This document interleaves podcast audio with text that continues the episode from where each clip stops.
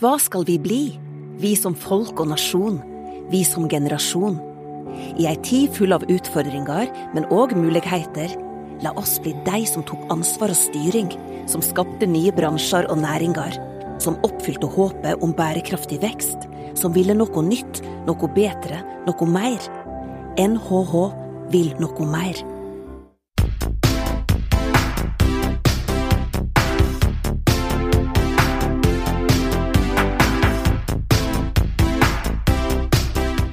Velkommen til en ny episode av Ledertaffel, NHHs podkast om ledelse. I denne podkasten kaster vi et blikk på aktuelle tema innen organisasjon og ledelse. Vi diskuterer hva forskningen sier, og vi kommer med noen av våre tanker om hva ledere kan gjøre annerledes for å lykkes der de er. Mitt navn er Marius Jones, og jeg er ph.d.-stipendiat her ved Norges handelshøyskole. I denne episoden snakker vi om kreativitet og strategi, og vi har med oss Eirik Sjåholm Knutsen, som er førsteamanuensis ved NHH og programdirektør for NHHs Executive MBA i teknologi og innovasjon i finans. Vi snakker om hvorfor kreativitet spiller en rolle i utviklingen av strategier, hvordan virksomheter kan tenke kreativt rundt forretningsmodellen sin, og hvordan organisasjoner kan gå frem for å fremme kreativ tenkning. Velkommen til en ny episode av Ledertaffel.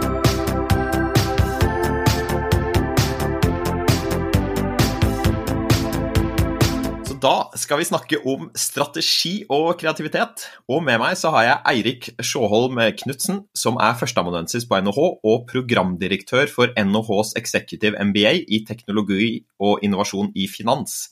Så velkommen til deg. Tusen takk for det. Og så har jeg selvfølgelig med meg fast podkastmaker og prorektor på NHH, Therese Sverdrup, så velkommen til deg også. Tusen takk. Vi eh, skal snakke om kreativitet og strategi sammen. Men eh, jeg tenkte vi kunne begynne bare med å snakke litt om hva de ordene betyr for seg. Så Eirik, hva legger du i de to ordene strategi og kreativitet? Hvis vi begynner med strategi, så er jo det det ordet jeg gjerne har den mer sånn profesjonelle tilnærmingen til, all den tid jeg er førsteamanuensis i strategi, mer formelt. Eh, så det er jo et ord som de fleste har hørt alle veier, og som vet at både brukes og misbrukes eh, mye.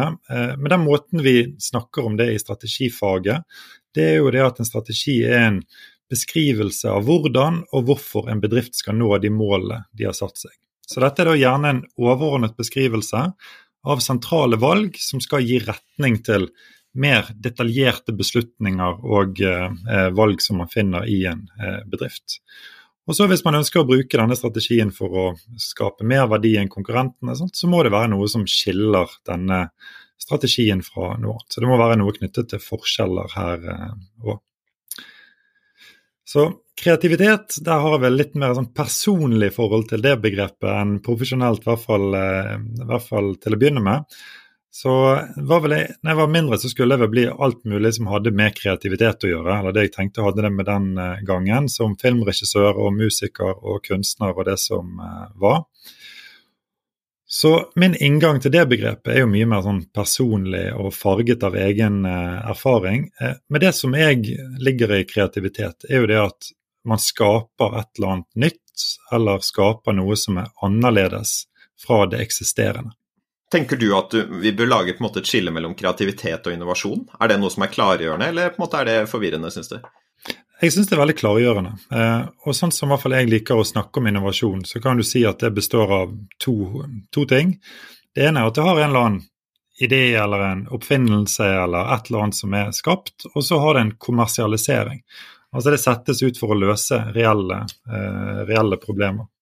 Så det tror jeg absolutt at det har noe for seg å skille disse tingene. Fordi at det kan godt være mye positivt med den første fasen, eh, f.eks. rundt kreativitet, som pga. tilfeldigheter så slår det ikke ut i en suksessfull innovasjon, f.eks. Og da blir det dumt å behandle alt som, eh, som er en bøtte. Ja, jeg har jo en Jeg skal ikke si en veldig profesjonell tilnærming til kreativitet, Eirik. Men, men jeg bruker det litt i, i, de sammenhengene jeg foreleser om team og kreativitet i team. Og, og vi definerer jo nettopp, som du sier, kreativitet som noe nytt. Men vi bruker også at det skal være nytt og nyttig det skal ha et formål, eller det skal i hvert fall komme til anvendelsessted. Og da bringer man inn, kall det innovasjonsprosessen i det. Sant? At innovasjon handler om implementeringen av den nye og nyttige ideene. Det er sånn som jeg ser på det, i hvert fall. For det du sier der, Therese, er jo litt interessant. For jeg eh, selv om jeg har mer sånn personlig forhold til kreativitet, så har jeg pløyd meg gjennom en håndbok fra psykologi om kreativitetsforskning. Eh, og noe som jeg beit meg merke der, er jo at eh, det er veldig vanlig å skille mellom det de kaller for kreativitet med, med stor og liten C.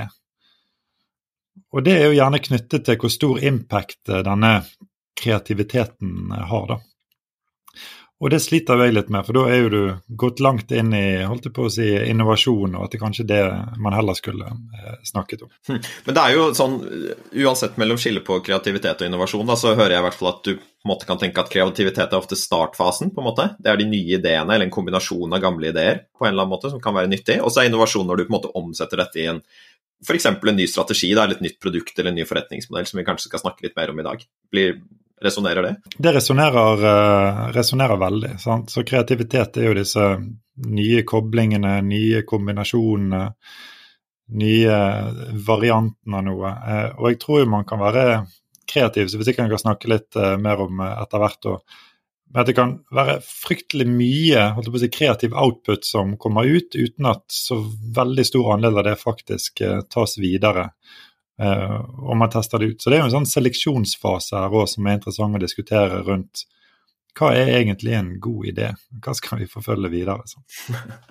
og, og, det kommer vi sikkert tilbake til her, da, men uh, vi skal jo fokusere mest på liksom, sammenhengen mellom kreativitet og strategi. For det er jo selvfølgelig mange ting du kan eh, bidra til da, når du skal være kreativ, eller det er mange ting du kan, eller kanskje bør være kreativ når du skal lage, men strategien er kanskje én ting, da. Så Eirik, hvorfor bør man se kreativitet og strategi i sammenheng? Altså Det jeg sa litt i sted med hvordan man definerer en strategi, så var jo et av, et av de elementene er jo at hvis vi ønsker at bedriften skal tjene mer penger enn konkurrentene og ha suksess, sånn, så må det være noe som skiller bedriften fra de andre.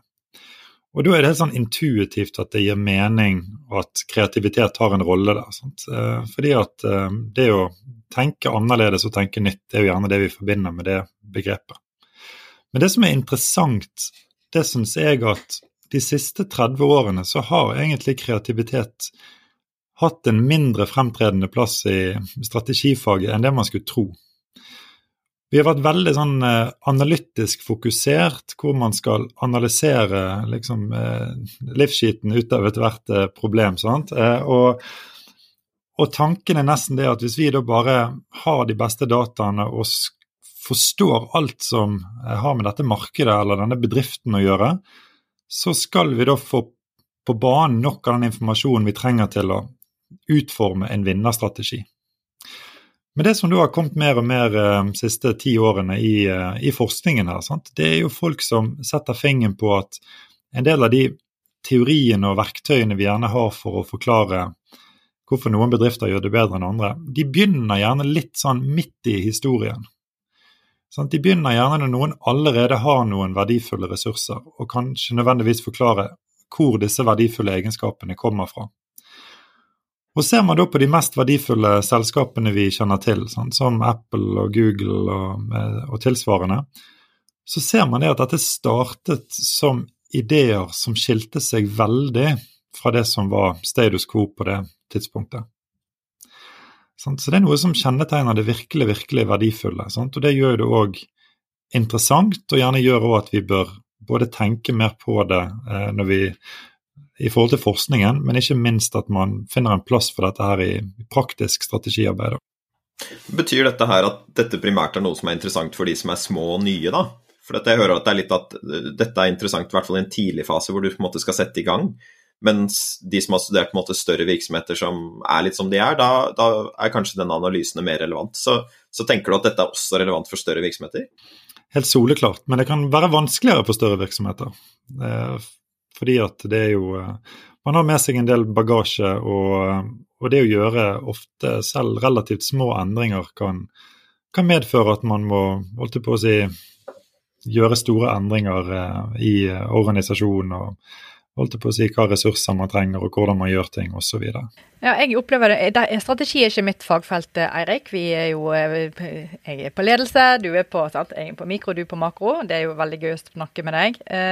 Men jeg er jo helt enig i at det jeg har fått med meg, er jo at strategiarbeidet er veldig sånn verktøyorientert, har jeg inntrykk av. At du liksom gjør disse analysene, det er nærmest big data osv. Altså vi liksom blir liksom forelsket i de måtene å jobbe frem ting på. Og så når du kommer og lanserer dette med at ja, men hva med kreativiteten i dette? Så du sier ja, vi er blitt opptatt av det de siste ti årene, men hvor sterkt står dette perspektivet å kombinere kreativitet og strategi sånn som du ser det i dag? I dag forskningsmessig så står dette veldig sterkt, selv om ikke man nødvendigvis bruker ordet kreativitet. Eh, for det man gjerne da sier eller den måten man tenker om strategi på nå forskningsmessig, det er det at man sier at man har en teoribasert tilnærming til dette. Så det vil si at Istedenfor å tenke at vi kan bruke verktøykassen vår for å analysere frem all fakta, og så bare agere basert på det som vi da har funnet ut er nøkkel til suksess, så handler denne informasjonen om å bruke som input til å formulere teorier om hva vi tror vil føre til suksess. Så man kan si det sånn at man har tatt strategi fra å være noe som kanskje har sett på seg sjøl som litt sånn forskningsbasert, men egentlig mer analytisk basert, til å bli mer sånn vitenskapelig med å tenke hypoteseformulering, hypotesetesting og alt det. Og da følger jo det naturlig i at skal vi formulere nye teorier og nye hypoteser, så må det være noen nye tanker inn i denne prosessen. Men Ser du noen motsetning i de som skal jobbe med strategi og er blitt trent da, i organisasjonen til å jobbe med strategiarbeidet, som nå plutselig skal åpne boksen til det kreative? Hva, hva trengs da av kompetanse, sånn som du ser det? Det er jo et spørsmål som jeg garantert ikke er den beste til å, å svare på, men det kan jo bare spekulere, spekulere vilt, da. Eh, og jeg tror jo én ting som, eh, som, kanskje står for fall, eh, det er jo det at vi tenker på en kreativitet som Det er disse her borte som tenker kreativt, og så er det disse her borte som tenker på den andre måten. Og dette er jo ting som du må, må svare mye mer på. sånt, men men det er jo disse koblingene som kjennetegner de virkelig kreative tingene. Og, og, jeg tror jo mer på at de som klarer gjerne å bruke sånn uh, utrolig bra innsikt som er oppdaget gjennom noen strategiske analyser, til å informere noen alternative hypoteser om hvordan ting kan henge sammen. Sant? De vil jo da ligge lenger fremme enn andre som gjerne ikke har disse observasjonene like lett eh, tilgjengelig. Og da kreves det gjerne at man har eh, folk som, som, tidligere gjerne var plassert litt lenger fra hverandre, eller ikke jobbet med hverandre i det hele tatt. Eh, at det jobber mer sammen. Jeg tenker Vi skal inn på dette med sånn kompetanse og, og, hva man trenger både som individ og organisasjon for å klare å være kreativ. Eh, og så tenkte jeg Vi starter nå her litt å snakke om på en måte utfallet av kreative prosesser. altså Hva er det vi prøver å lage for noe da, når vi skal tenke kreativt rundt strategi. Og da tenker jeg at forretningsmodellen kan være et, et godt utgangspunkt der, da. Og Eirik, du har skrevet en del om forretningsmodeller innen bank og finans, og vi kan jo på en måte komme tilbake til om eh, det er et likhetstegn mellom forretningsmodell og strategi også. Um, det er det kanskje. Men uh, vil du først si hva er en forretningsmodell, helt kort? Altså Det enkleste stedet å begynne er jo egentlig med å linke det til, uh, til strategi. Og man kan si at en, strategi, at en forretningsmodell det er en en ytterligere konkretisering enn strategien for hvordan bedriften både skal gå frem for å skape verdi eh, og for å kapre eller sitte igjen med denne verdien her eh, sjøl. Så det beskriver da, men i mer detaljerte ordlag enn eh, en strategien, valg man har tatt knyttet til hvilke kunder man leverer, hva man skal levere til disse, hva verdiforslaget skal være, hvordan man skal komponere ulike aktivitetssystemer, hva salgskanaler man skal bruke, sant? og hva ressurser som skal være de viktigste eh, inn her. Så, ja. Så folk kjenner gjerne forretningsmodeller mer med disse rammeverkene man bruker for å visualisere det som eh, business model, canvas og, og dette. Men liksom komponentene sånn helhetlig er jo det samme som man finner i en strategi, men gjerne mer detaljert. sånn at for én strategi så kan det være flere ulike forretningsmodeller som da kan gi mening, sant? eller kan være riktig. Og, og, sånn som jeg har sett du beskrive de komponentene, så har du bl.a. beskrevet en forretningsmodell bør si noe om målgruppen, altså hvem skal du nå, hvilke markeder skal du være i. Det bør eh, beskrive verdiforslaget, altså de produktene og tjenestene du skal levere. Og så bør det eh, beskrive verdikapringen, altså hvordan får du inn penger på dette her. og leveransen. Altså hvordan er det du leverer det ut. Og hvis man sitter da som en sånn ledergruppe da, skal tenke på en måte kreativt rundt forretningsmodellen, er det en av disse komponentene det er mer meningsfullt å starte med? Eller hvor det på en måte kanskje ofte finnes noe lavhengende frukt? Eh, det er det helt sikkert.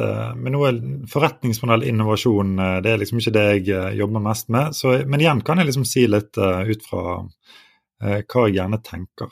Jeg tviler på at det er en sånn universell tilnærming til, til, hva som er best her. Men essensen er jo det at det å gjøre ikke ubetydelige endringer i alle disse komponentene vi finner i en forretningsmodell, vil jo da være en forretningsmodellinnovasjon. Sånn, så det å rett og slett gå fra en si, fysisk distribusjon av noe til digital distribusjon f.eks.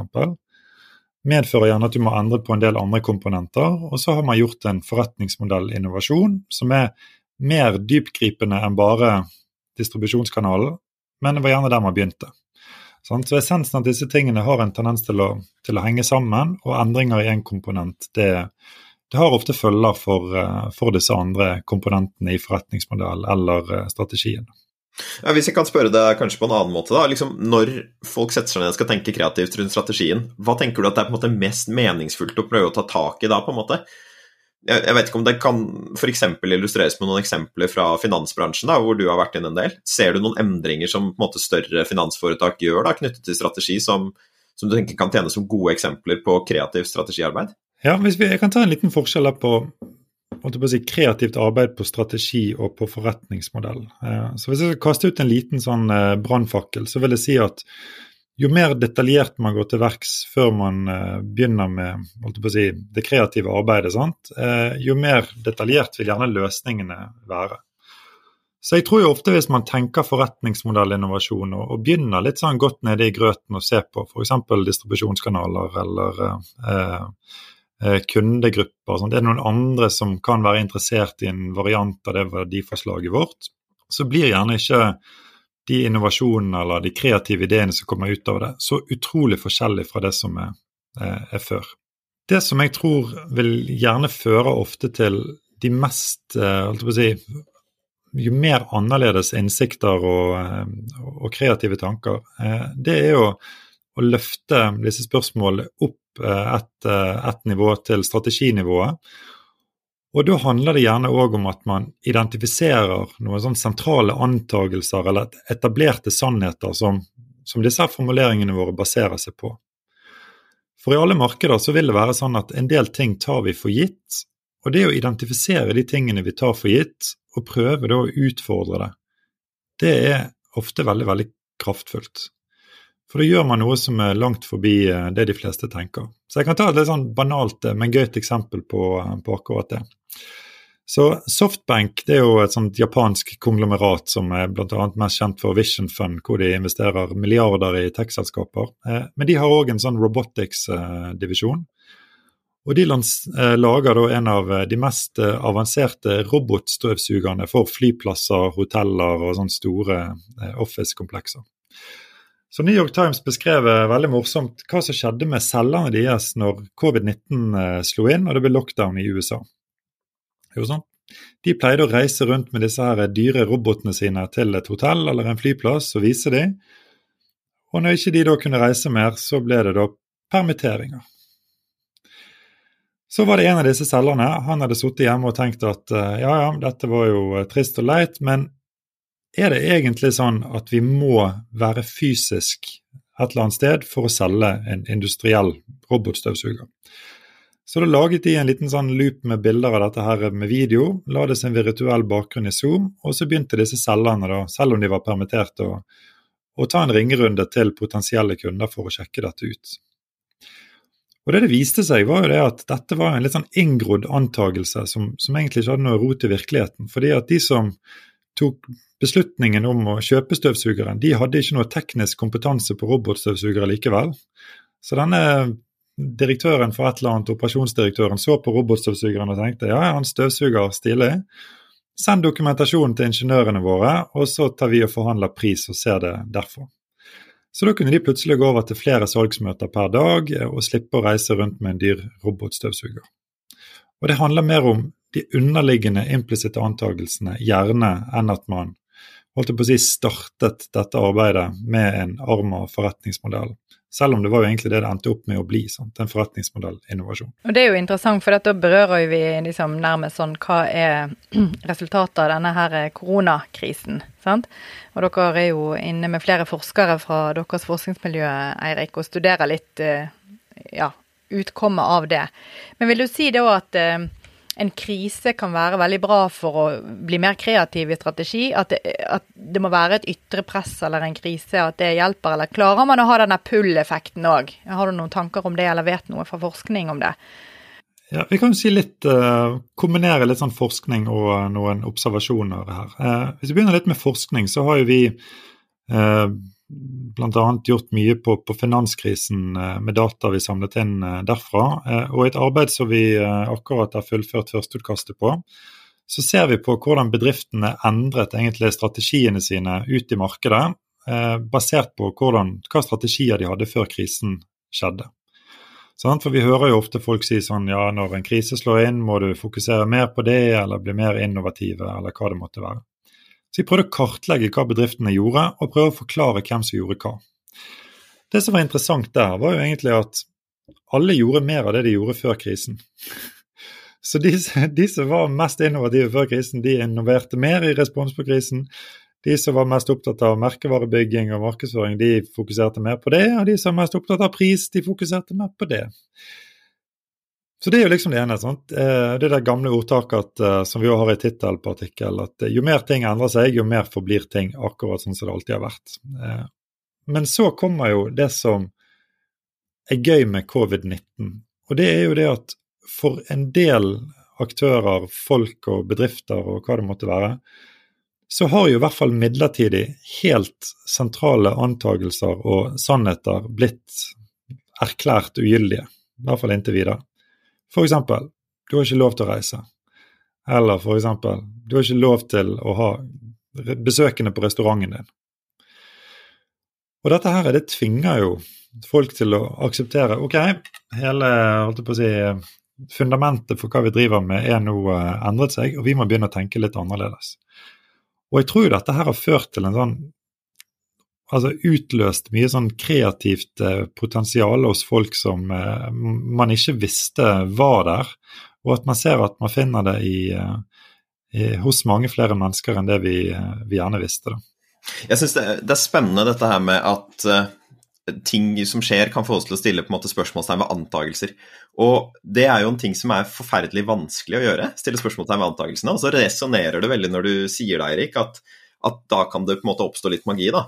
Og jeg blir liksom tenkende på Albert Einstein her, da, som kom med relativitetsteorien, som egentlig var mulig fordi han stilte spørsmålstegn ved den antakelsen om at tid og rom var forskjellige ting.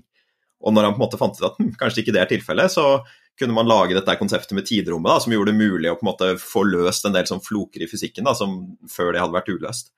Eh, og det virker jo som det handler litt om å på en måte forstå liksom, problemet man skal løse, og situasjonen man står i, heller enn å kanskje være kreativ når det kommer til løsning. Da. Dette å være liksom, problemorientert da, og kreativitet tror jeg henger godt sammen. Og Hvis jeg skal tenke noe også for en andelshøyskole, da, hva slags antakelser er det vi gjør her, da, som er kanskje sånn implisitt og vanskelig å stille spørsmål ved? Så er det jo sånne ting som f.eks.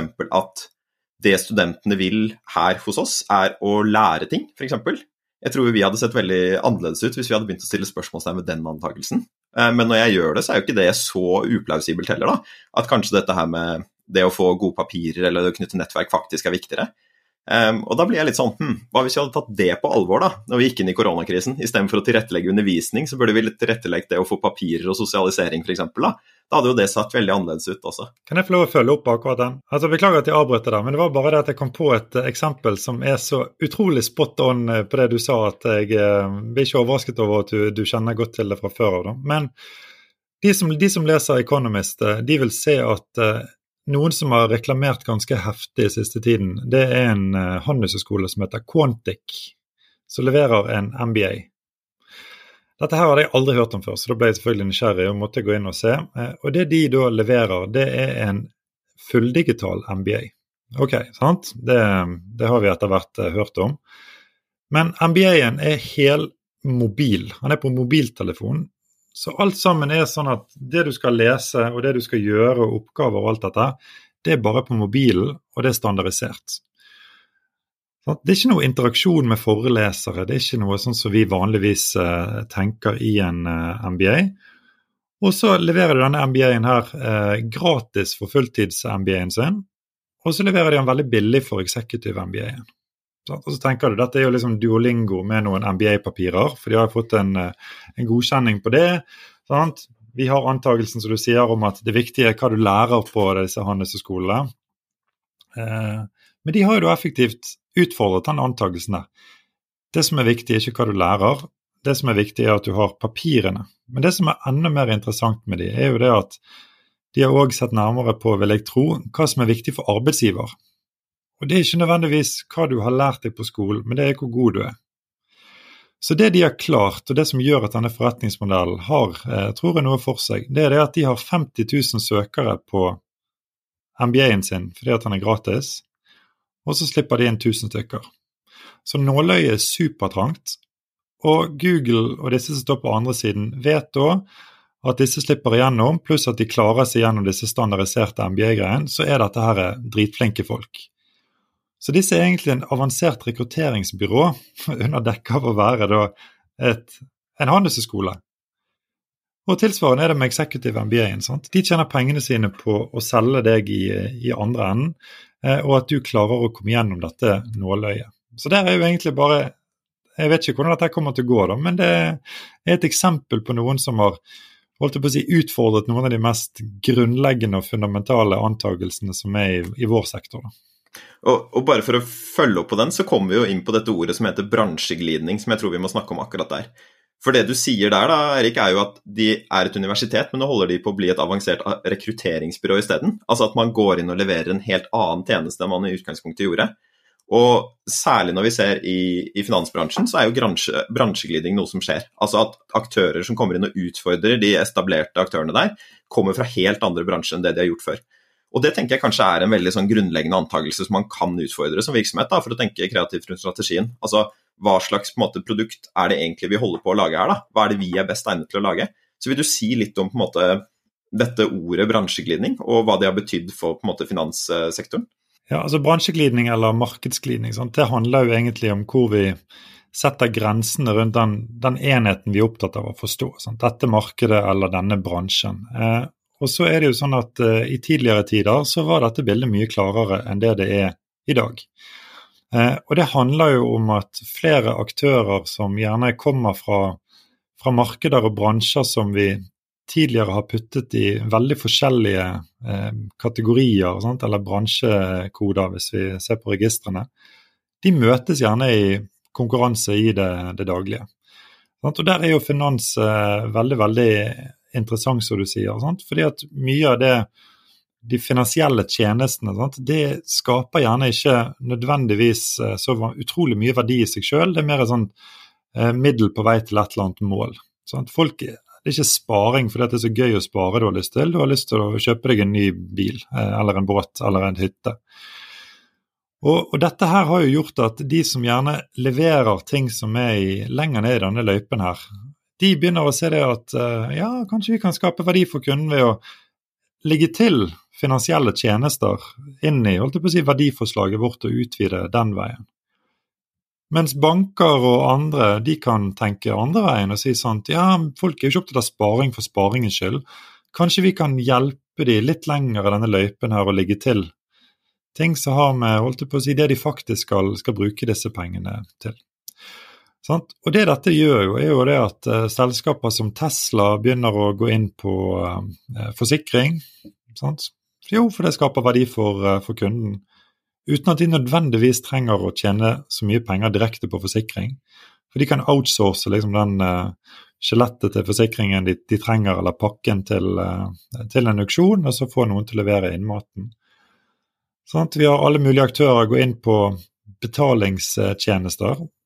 Men det kan være fordi av ulike grunner er mest opptatt av dataene koblet med, med andre ting. Vi har Amazon som har begynt med finansiering av små og mellomstore bedrifter. Jo, det er fordi at det gjør det lett for de å selge flere ting på plattformen. Og siden de sitter med lagrene til mange av disse bedriftene allerede, og full informasjon om salget deres, så kan de proaktivt gå inn og spørre folk om de har lyst på kreditt fra Amazon, istedenfor å sitte og passivt vente på søknader. Og alt dette her blir en litt sånn perfekt storm, hvor det igjen er liksom verdien man kan skape for kunder som er drivende for hva løsninger som kommer, og så møtes da plutselig aktører som, som kommer liksom fra ulike innganger inn på akkurat dette spørsmålet her. da.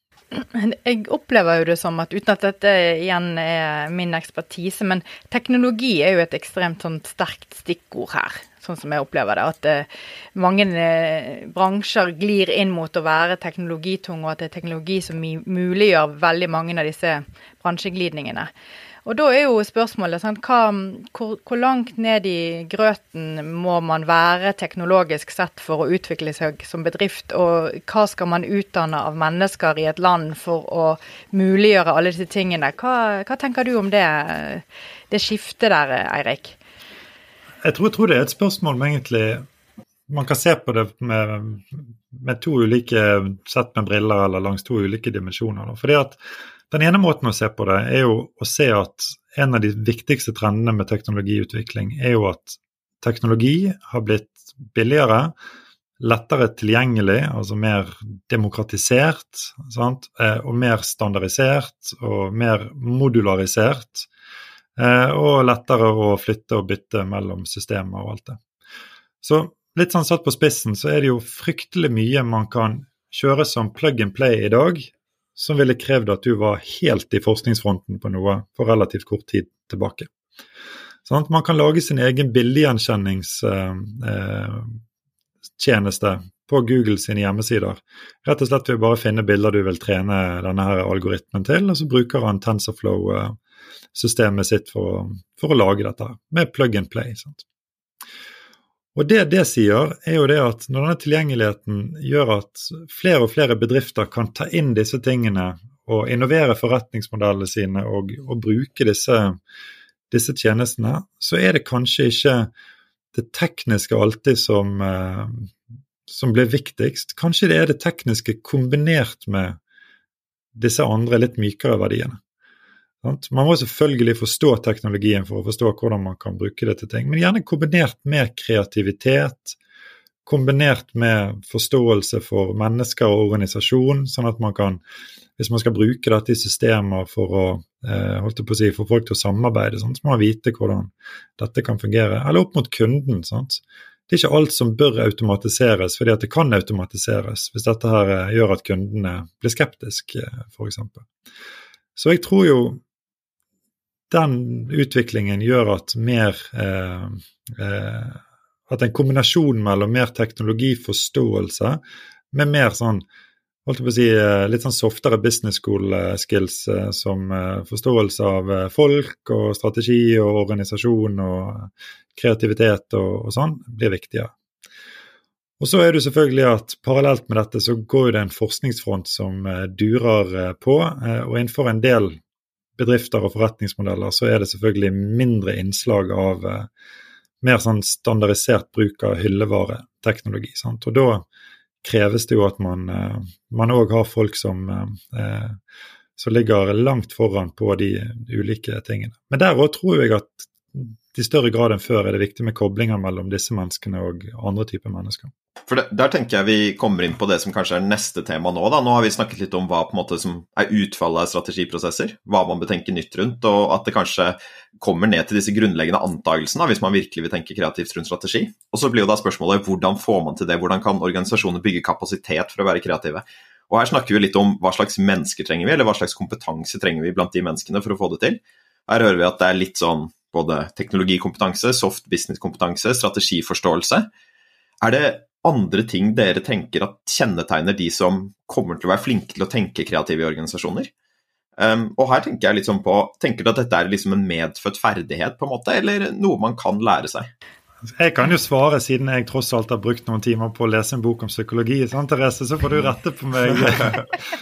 Nå, nå svarer jeg som denne her som har lært seg bitte, bitte litt av noe, og så later jeg som jeg er ekspert. da. Så, ja, Da får vi se om jeg må arrestere deg eller ikke, da, vet du. Eh, mitt inntrykk er at veldig mange tror at kreativitet er, eh, det handler om en sånn medfødt egenskap, men at eh, psykologene vil si at ja, det er en del eh, trekk ved folk som kan korrelere med å være mer eh, kreativ, men så er det veldig mange andre ting som òg påvirker. Så det er langt fra et én-til-én-forhold, men at det er noen personlighetstrekk som da har en positiv korrelasjon med kreativitet. Og det er jo gjerne ting som at man er sånn indre motivert, man har mange interesser, man er litt sånn divergerende tenking og sånne ting.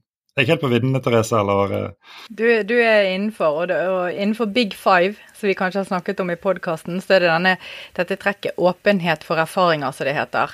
Eh, som gjerne korrelerer det med egenskapen mennesker har til å være kreativ. Men jeg støtter jo fullt ut eh, det du sier om at vi, vi, må vekk fra den tankegangen om at det er kreative mennesker som får til kreativitet. Jeg er enig i at det fins noen jeg kjenner som tenker åh, oh, han eller hun er mer kreativ. Eirik, Marius, begge dere to ser jeg på som kreative mennesker. Altså som i egenskaper.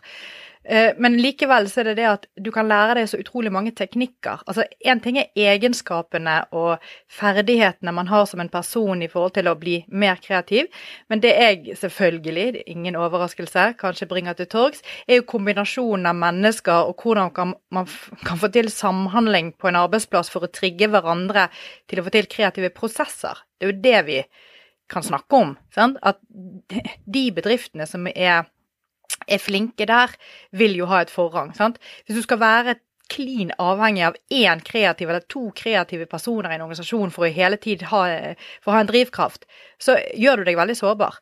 Men hvis du klarer å få til et miljø, en kultur, som skal, eh, går gjennom å ha kreative prosesser, om det er på strateginivå, eh, innovasjon osv., det er jo de som blir vinnerne, sånn som jeg ser det. Mm.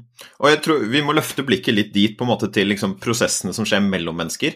Hvis vi holder oss litt innad i menneskene på en måte, og ser på, på måte, de som atomene i den kreative prosessen her, da, tenker dere at det er noe som handler om kreative ferdigheter utover de på en måte fagkunnskapene vi har snakket om så langt. For Når vi snakker om måte teknologiforståelse, strategiforståelse, soft skills, så er jo ikke dette kreative ferdigheter. Men er det sånn at hvis det er på plass, så blir folk kreative, på en måte, gitt at de er innenfor de kreative rammene? Eller er, det, er kreativ kunnskap en, en egen kunnskap, liksom? Er det en ferdighet å være kreativ som man bør lære seg?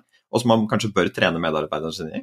Altså, er helt opplagt at du kan gå på sånne her Jeg tror du finner en god smørbrødliste av sånne kreative kurs. Hvordan lære seg å tenke ut av boksen. Eh, Eirik snakket om divergerende tenkning, som skiller seg fra det som vi kaller konvergerende tenkning. Eh, og, og, og, det er helt klart både teknikker og oppskrifter på hvordan eh, lære seg ferdigheter rundt kreativitet og kreativ tenkning. Hva tenker du Erik? Hva ville du si at folk skal investere i hvis de skal prøve å bli mer kreative? Jeg vil gjerne si to ting som jeg tenkte på når du spurte om det. Det ene er en teori som jeg syntes var veldig gøy. Eh, og det andre det er en, en, en prosess eller en smørbrødliste for hvordan man kan være mer kreativ, som jeg leste.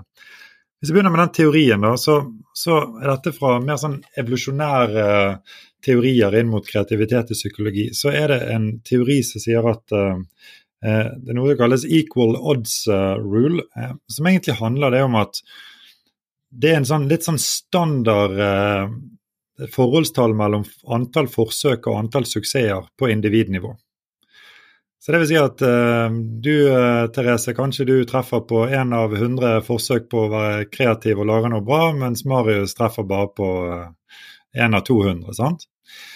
Men det som er poenget i den teorien, er det at denne her forholdstallet er stabilt over livet. Men det som vanligvis varierer, det er antall forsøk. Og det andre er selvfølgelig at antall forsøk da generelt, hvis du prøver sinnssykt mange ganger, så får man eh, flere gode løsninger. Eh, og dette har jo jeg også sett noen sånne studier som er gjort på hvor man setter ulike grupper, hvor den ene gruppen eh, Det er om å gjøre for de å lage en, den beste løsningen, mens de andre får beskjed om å lage flest mulig løsninger. Og så får de ekspertpaneler til å vurdere dette, her, og da pleier det å være en av den kvantitetsløsningen som vinner. Sant? Selv om det ikke var fokus på kvalitet. Da. Så det er liksom teorien med at kanskje det handler mer om å prøve mer enn vi gjerne gjør. Eh, og selv om noen har en litt høyere hitrate enn andre, så havner man likevel på null sant? hvis man aldri prøver eller tenker eh, på noe annet. Men når du tenker på den prosessen, så vil jeg si at en av de morsomste selvhjelpsbøkene jeg har, jeg har lest, det var jeg snublet over, jeg husker ikke hvor jeg fant dette, men det var en bok som var skrevet av en, en sånn original Madman-kar som het James Webb Young. Som var sånn reklamemann i USA på 50-60-tallet. Og Den boken heter noe sånn som 'En teknikk for å finne på fantastiske ideer'. Eller en, 'A technique for uh, coming up with great ideas'. eller noe sånt. Og så leste denne boken, og han er rotete skrevet, og han er på 42 sider. Så han er jo Når du er ferdig med introduksjonen, så var boken ferdig, og uh, han ligger på Amazon, så vel verdt å ta en titt. Koster to dollar eller et eller annet sånt. Men det som er gøy med den selvhjelpsboken, det er jo at de rådene han kommer med, de skiller seg en del fra det som er mest inn nå om dagen, som er jo design thinking, innovasjonsprinter og det. Så nå har jeg funnet frem liksom min uh, reformulering av denne smørbrødlisten. Så det første det er å skaffe råmateriell. Og det han sier da, det er bare å ja, bare lese om ting og lære om ting. Og han sier de mest eh, kreative i hans reklamebyrå de er opptatt av alt fra barokkunst til motorer til gamle traktorer og gud vet hva. Alt mulig rart. Du må bare lære masse ting. Og så må du gå og tygge på disse tingene. Du må liksom bare tygge og smake på det og kjenne på det og tenke og alt det, så du liksom forstår litt hva du har tatt inn. Og så bare dropper du hele driten en periode. Du bare tenker ikke noe mer på det. Eh, og så sier han da at hvis du tror på han, så vil det da før eller siden dette komme opp igjen. Som ideer. Sånn eureka moments, er det det du mener? Ja, så da kommer liksom disse ideene da, når du står i dusjen og, og, og det som er. Eh, og så er det det siste, og det er jo Da må du ta den ideen og formulere den så andre kan forstå det og ta det ut i verden og alt dette her. Men det morsomme med dette er at jeg føler i hvert fall det resonnerer veldig med, med holdt på å si, sånn som det jeg mener er mine beste ideer har kommet til. At det er gjerne sånn du har tenkt på noe over fryktelig lang tid, eh, og du har bruddstykker her og der, og så plutselig så kommer det en eller annen kobling som, som dukket opp, gjerne at det var en eller annen uh, ting som satt det i gang. sant? Uh, men det viktigste er jo at dette skiller seg jo litt fra fra denne litt sånn raske, strukturerte hackathon-prosessen som, som, vi ofte forbinder med Post-It-napper og lapper og innovasjon eh, nå om dagen. Veldig kule eh, refleksjoner der, altså. Og jeg, jeg, ble tenkende litt på sånn design thinking og design sprint selv, siden jeg jobber litt med det på egen hånd. Og jeg, jeg tenker jo at de ideene du kommer opp med der, da, eller de forslagene der, de skiller seg litt fra det, men så ligner de litt også, da. Og jeg tenker Det ene der er jo det du sier med at les bredt, på en måte, eller få inspirasjon bredt. Og noe man prøver i sånne designprosesser, er jo å involvere så bredt som mulig. Og gjerne få med brukere, få med folk på tvers av organisasjonssiloene, få med folk utenfor organisasjonene.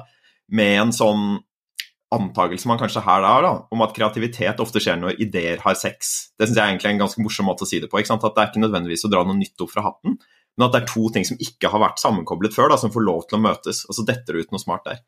Eh, inkubasjonstiden da, synes jeg er veldig spennende. Den får du kanskje ikke hvis du har disse sprintene. Og det var jo noe vi snakket en del med i den episoden vi lagde om design thinking også, da.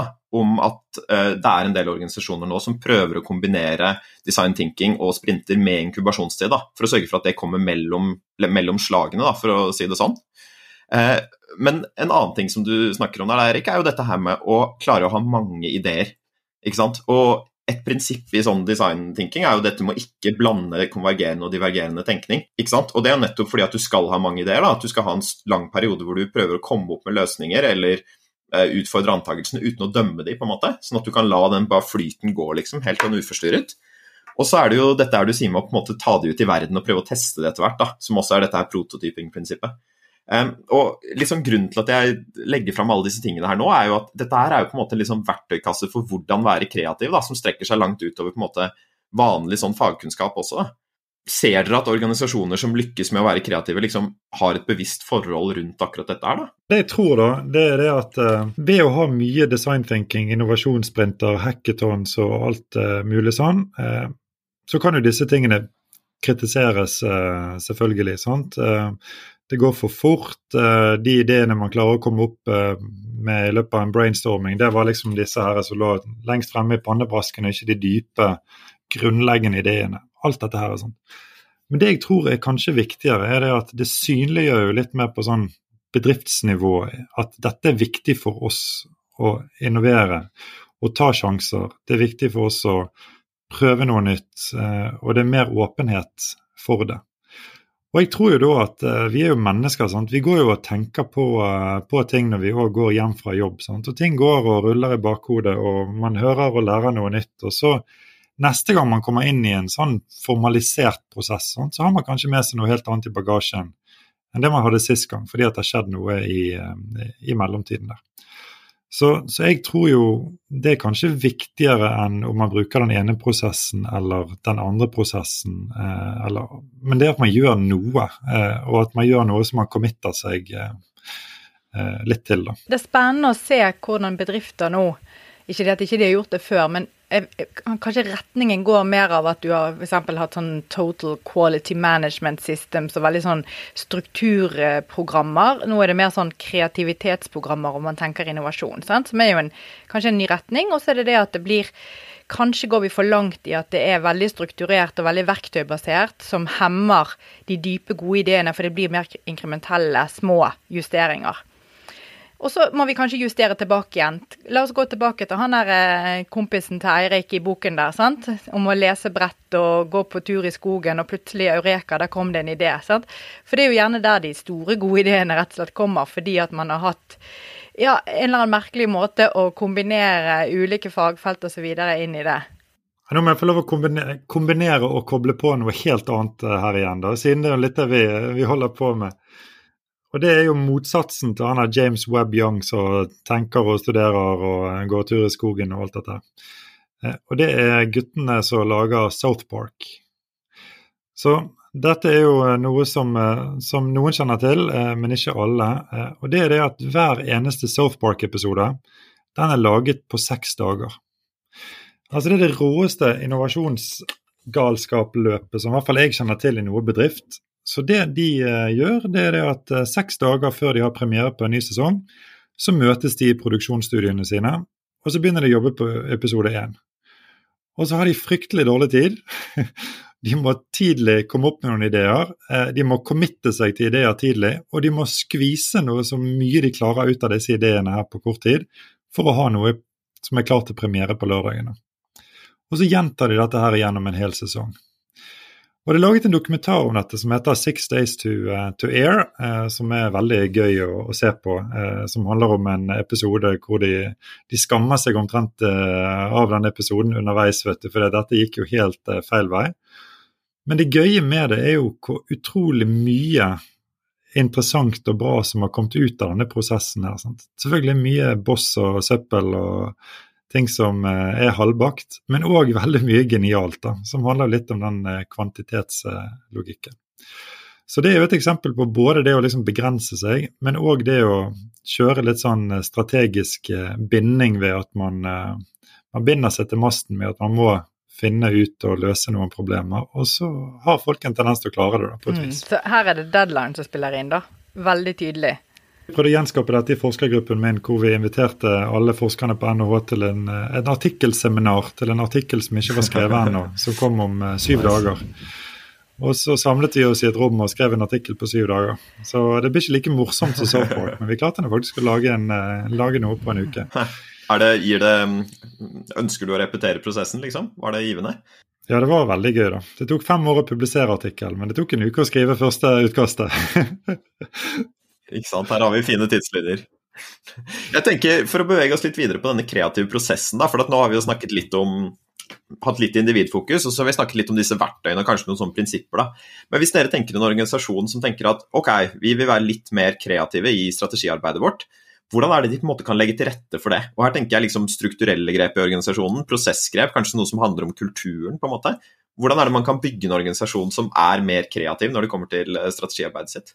Jeg har to poenger. Jeg tenker jeg har lyst til å ta først ett poeng, og så sende ball til Therese, og så kan jeg ta det andre etterpå. Eh, og Det ene poenget er jo at si, de virkelig store innovasjonene som, eh, som, gjerne kan følge av at man skal innovere rundt strategiarbeid. Sant? Eh, gjerne OK, vi skal gjøre noe veldig veldig forskjellig fra det som har vært gjort før. Krever forankring, krever en, kanskje en annen retning og alt det. Så beslutningene må jo gjøres på toppen. Men det som eh, bl.a. Henry Minsberg, som er en eh, kjent strategiforsker, har eh, sagt, er jo det at det er sjelden på toppen de gode ideene kommer. Det pleier å finne sted helt andre steder i organisasjonen. Og gjerne folk som sitter tettere på ting, eller det, det, er flere folk nede i organisasjonen enn oppe, så det kan være et sånn numbers game, og sannsynligheten er større for at det kommer der. Og da er jo liksom det første er jo hvordan skal man klare å tilrettelegge for at gode ideer finner veien opp til beslutningstakere på toppen uten at det blir hugget ned. Og det vet jeg egentlig ikke så veldig mye om, Therese, så da må du fortelle meg hva, hva som kan gjøres for det. Men, Nei, men det er jo e, egentlig begrepet som Marius brakte inn, kulturbegrepet. Altså, hva er det rom for i en organisasjon? Hva kommuniserer ledelsen er, er ok? Vi hadde jo en uh, liten uh, episode som vi ikke har sluppet ennå, men med Monica Rydland om mellomlederrollen. Er mellomlederne i dag noen som stopper showstoppere, eller er de noen enablere? sant? Og vi vil jo selvfølgelig at de skal være det siste å bidra til. Så jeg tror du kan gjøre ganske mye strukturelt sett fra et lederperspektiv på hva du kommuniserer, er det rom for, og hvor gir man, eh, kall det ros og anerkjennelse til hva som skjer i organisasjonen, for å muliggjøre et sånn type arbeid der man flipper egentlig organisasjonen rundt, da, på at medarbeiderne er de viktige, og de som eh, står for det kreative og det vi vil lytte til. Så i tidligere episoder i podkasten har vi snakket om f.eks. det med tjenende ledelse lederne er bare supertydelige på at vi er her for én ting, og det er å tilrettelegge for dere der nede. Da har du sagt ganske klart og tydelig hvem som er den viktigste aktøren i, i bedriften, og hvis du da klarer å følge opp det og lytte til medarbeiderne med de rådene de kommer fra, så vil du få medarbeidere som igjen vil hive seg rundt, for de ser at det nytter. Så det er helt klart at eh, ledere er ekstremt viktig å skape både kultur og strukturer for at dette skal finne vei oppover og ut eh, i en implementering. Absolutt. En ting som jeg syns hadde vært kult hvis ledere kommuniserte mer, da, er at de er interessert i å få opp problemer. Fordi at Noen ganger så hører jeg at ledere sier at eh, folk må gjerne komme med problemer, men da må de komme med en løsning også. Men hvis det er sånn at veldig mye av kreativitet handler om å grave interessante problemer, da, så hadde det vært kult om ledere sa at folk må gjerne komme med problemer, og da må de gjerne komme med veldig interessante problemer og være flinkere til å være problematiske av seg, på en måte. For det er jo dette her, hvis noen klarer å sette på en måte spørsmålstegn ved en sentral antakelse, da, eh, så har man kanskje kommet med det mest interessante innspillet man kan gjøre i en sånn her strategiprosess, da, tenker jeg basert på samtalen vår. Hadde du et poeng til, eller Erik? Ja, jeg hadde et poeng til, eh, og det er litt knyttet til evaluering av ideer. Fordi at en leder må jo til syvende og sist eh, selektere mellom ideer som er der. Eh, så Det er jo liksom en prosess som først eh, går med, med, de som kommer det opp, og så må de velge hva de skal gå videre med. Og så er det mange som skal evaluere en idé på veien, eh, og før man eventuelt skal, skal gå for det. Og da er det jo litt sånn Siden vi har vært inne, mellom, inne, med, inne på mye rart i dag, så må vi innom litt forskningsfilosofi òg. Og det er jo det Karl Popper med falsifisering av ideer. Og vi kan også ta inn litt sånn fra statistikken med type 1 og type 2-feil, som folk eh, gjerne husket eh, derfra. For der er det jo klassisk at det er to feil man kan gjøre, i tillegg til type 3-feil, som er å ikke huske hva som er type 1 og type 2-feil. Eh, men type, type 1-feil er jo da at vi forkaster en eller annen hypotese som viser seg å egentlig være den riktige. Mens type 2-feil det er jo da en feil eh, aksept. Dvs. Si at vi beholder en eller annen hypotese som vi egentlig skulle forkastes. Altså at det er en som viser seg å være feil. Og Det som er liksom det viktige poenget inn mot spørsmålet ditt, det er jo at jo mer du ønsker å unngå den ene type feilen, jo mer aksepterer du egentlig samtidig at du gjør den andre type feil. Og jeg tror veldig mange organisasjoner, enten man vil eller ikke, har rigget seg litt til å ønske å redusere det å gjøre ting som senere viser seg å være feil. At man tar litt mindre sjanser, fordi at man har det sånn Vi skal ikke gjøre så veldig mye feil. Eh, men at det er færre som da er i den eh, bolken hvor vi finner venturekapitalistene. De skal eh, de skal bare gønne på de og gjøre masse masse feil, for de vet det at hvis de investerer i 100 bedrifter, så kanskje noen av de blir det neste Facebook eller Spotify.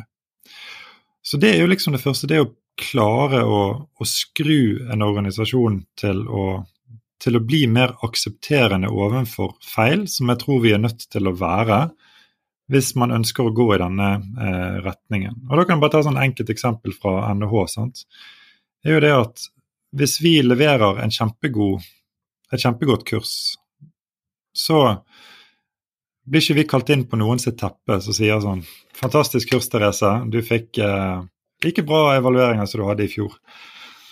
Sant? Men hvis man kommer under et eller annet nivå på et kurs, så går det noen varsellamper et eller annet sted. Sant? Eh, og så kommer man eh, Så det er egentlig mer den at man ønsker å unngå at det går en varsellampe mot sitt eget kurs. Men kanskje vi skulle vært mer synliggjort at folk eh, må prøve nye ting og være helt sprø og akseptere at ting går på trynet, fordi at det er måten vi alle kan, kan lære av det.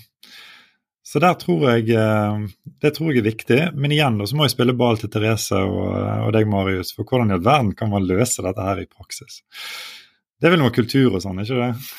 Nei, Jeg tenkte to eksempler bare da, før du overtar ballen der, Therese, da, for organisasjoner som har gjort dette her. Og Microsoft var jo en organisasjon som gjorde dette her.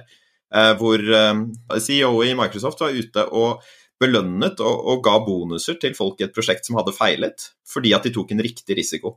Så der var det jo et eksempel hvor han da belønnet prosessen heller enn på en måte utfallet. Som sa at her gikk dere fram på riktig måte, det var et risikabelt prosjekt. Og da vet vi at det er en del av utfallet som dere ikke kunne styre, men siden dere tok en på en måte riktig risiko da, og gikk på trynet, så skal dere likevel belønnes for det. Så det tenker jeg er å liksom belønne prosess heller enn utfall, da, er jo en måte som kan sørge for at folk tar mer risiko. Og Et annet eksempel er jo Spotify, som har kjørt sånne fail walls på kontorene sine. Hvor de sier at når noe ikke funker, eller når noe går i dass, så skal det opp på en tavle, og så skal vi feire det litt, for da har vi lært noe nytt. Og Det tenker jeg sender ganske gode signaler, da, flere gode signaler. Det ene er jo at vi gjør at flere kan lære av feilene som noen gjør, som kanskje kan dytte oss i riktig retning.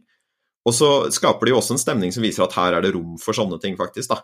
Um, så, så, sånne grep tror jeg kan være ganske sunne å gjøre. For å bygge videre på det, da, så er det veldig fine, konkrete eksempler. Og jeg, eh, altså jeg synes du, Når du sier det du sier nå, Eirik, så har du et inntrykk av at folk ikke tør å feile så mye, at det skal være bra. Mens jeg har inntrykk av at når jeg snakker med ledere, så er det større rom for eh, at vi skal tenke at det å holde eh, Å gjøre feil er akseptert og anerkjent og at vi må tørre å være litt mer sårbare. Dette er psykologisk trygghet som vi har snakket om en, en god del. Eh, nettopp muliggjør og, og, skal gi rom for eh, at feil er riktig og viktig, for vi lærer av det. Men sånn rent strukturelt, hvordan gjør de dette i bedriftene, og er de flinke, eller er det bare noe de snakker om?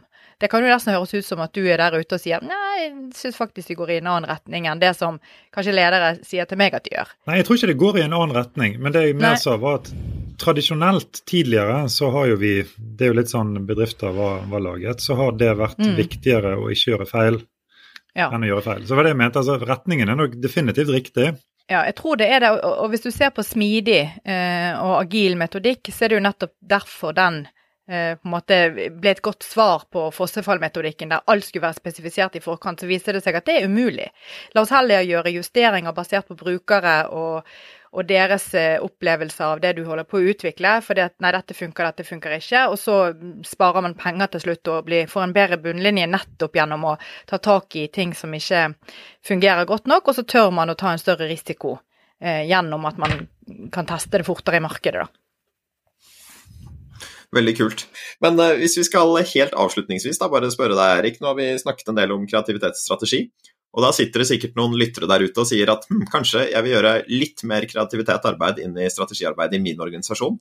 Har du tre tips til de om hvordan de bør gå fram da? Ja, da tenker jeg at uh, man kan begynne med å, um, å leke litt med, med, strategien i sin virksomhet. Og dette, dette gjør vi en del i, i workshoper på, uh, på Executive på, på NHH.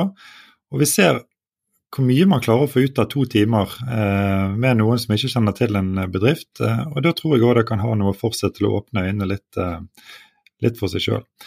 Så det man kan gjøre da, er å prøve å formulere hva er liksom den strategien vår eh, i dag. Eh, og så prøve å lage en liste over alle de tingene man mener er eksplisitte eller implisitte antagelser med egen bedrift.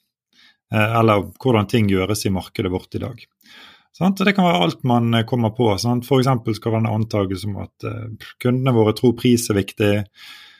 Kanskje en antakelse om at kundene kommer til oss, sant? og osv. osv. Og så sitter man seg ned, og så formulerer man da det motsatte av mange av disse antakelsene. Og så begynner man å ta og trekke det videre og si OK, gitt at denne alternative sannheten jeg nå formulerte, skulle vise seg å være riktig, hva kan det bety, egentlig? Så ta et eksempel fra en sånn workshop hvor vi har hatt mye gøy med, med håndverksbedrifter. For alle har kjennskap til, til dette, så vi, det er lett å bruke som et eksempel. Og Da ser vi f.eks. at den antagelsen om at uh, kundene kommer til oss, er noe som dukker opp mye. Og så er spørsmålet hvorfor skal ikke vi komme til kunden? Og Dette er det jo selskaper ute i verden som gjør. Sant? Jeg hørte i USA med et selskap som driver og selger eh, dronebilder til taktekkere, så de kan gå rundt til folk og si hei, jeg kan fikse taket ditt for noen tusen, så du slipper å skifte ut hele driten for om et par år. sant? Det har vi sett på dronebilder. Eller at det faktisk er et eller annet nytt folk er opptatt av. Eller om kanskje de er mer opptatt av rådgivning knyttet til håndverk og alt det. Så ved å leke seg med disse antakelsene og forfølge implikasjonene av dem, så blir en del nye si, perspektiver eh, illustrert. Og så kan jo man da selvfølgelig gå mer videre i diskusjoner om eh, hva skal og undersøke om dette her alternativet kan holde, sant, og teste det ut. og Da er det gjerne mer eh, strukturerte prosesser man kan bruke for, eh, for det. Men det å være eksplisitt på eh, en del implisitte antakelser, og så forfølge det der kaninhullet med eh, kaninen ned i kaninhullet med hva kan de implikasjonene være hvis dette alternativet skulle vise seg å stemme. Så Det er ikke kanskje tre råd, men det er ett litt sånn overordnet råd som kanskje innbefatter flere enn tre ting. Jeg syns det er veldig bra, og det nøster jo opp egentlig der vi startet i dag også, så eh, der hjelper det oss å lage en veldig fin rød tråd på podkasten her, Erik. Så tusen takk for siste råd, og tusen takk for deltakelse, begge to. Takk skal dere ha. Takk skal du ha. Har nå hørt en ny episode av Ledertaffel, NHHs podkast om ledelse. I studio i dag var Eirik Sjålen Knutsen, Therese Sveidrup og jeg, Marius Jones. Om du vil vite mer om hva vi holder på med på Norges handelshøyskole, så finner du oss på nhh.no og ved å søke på NHH på Facebook. Vi høres!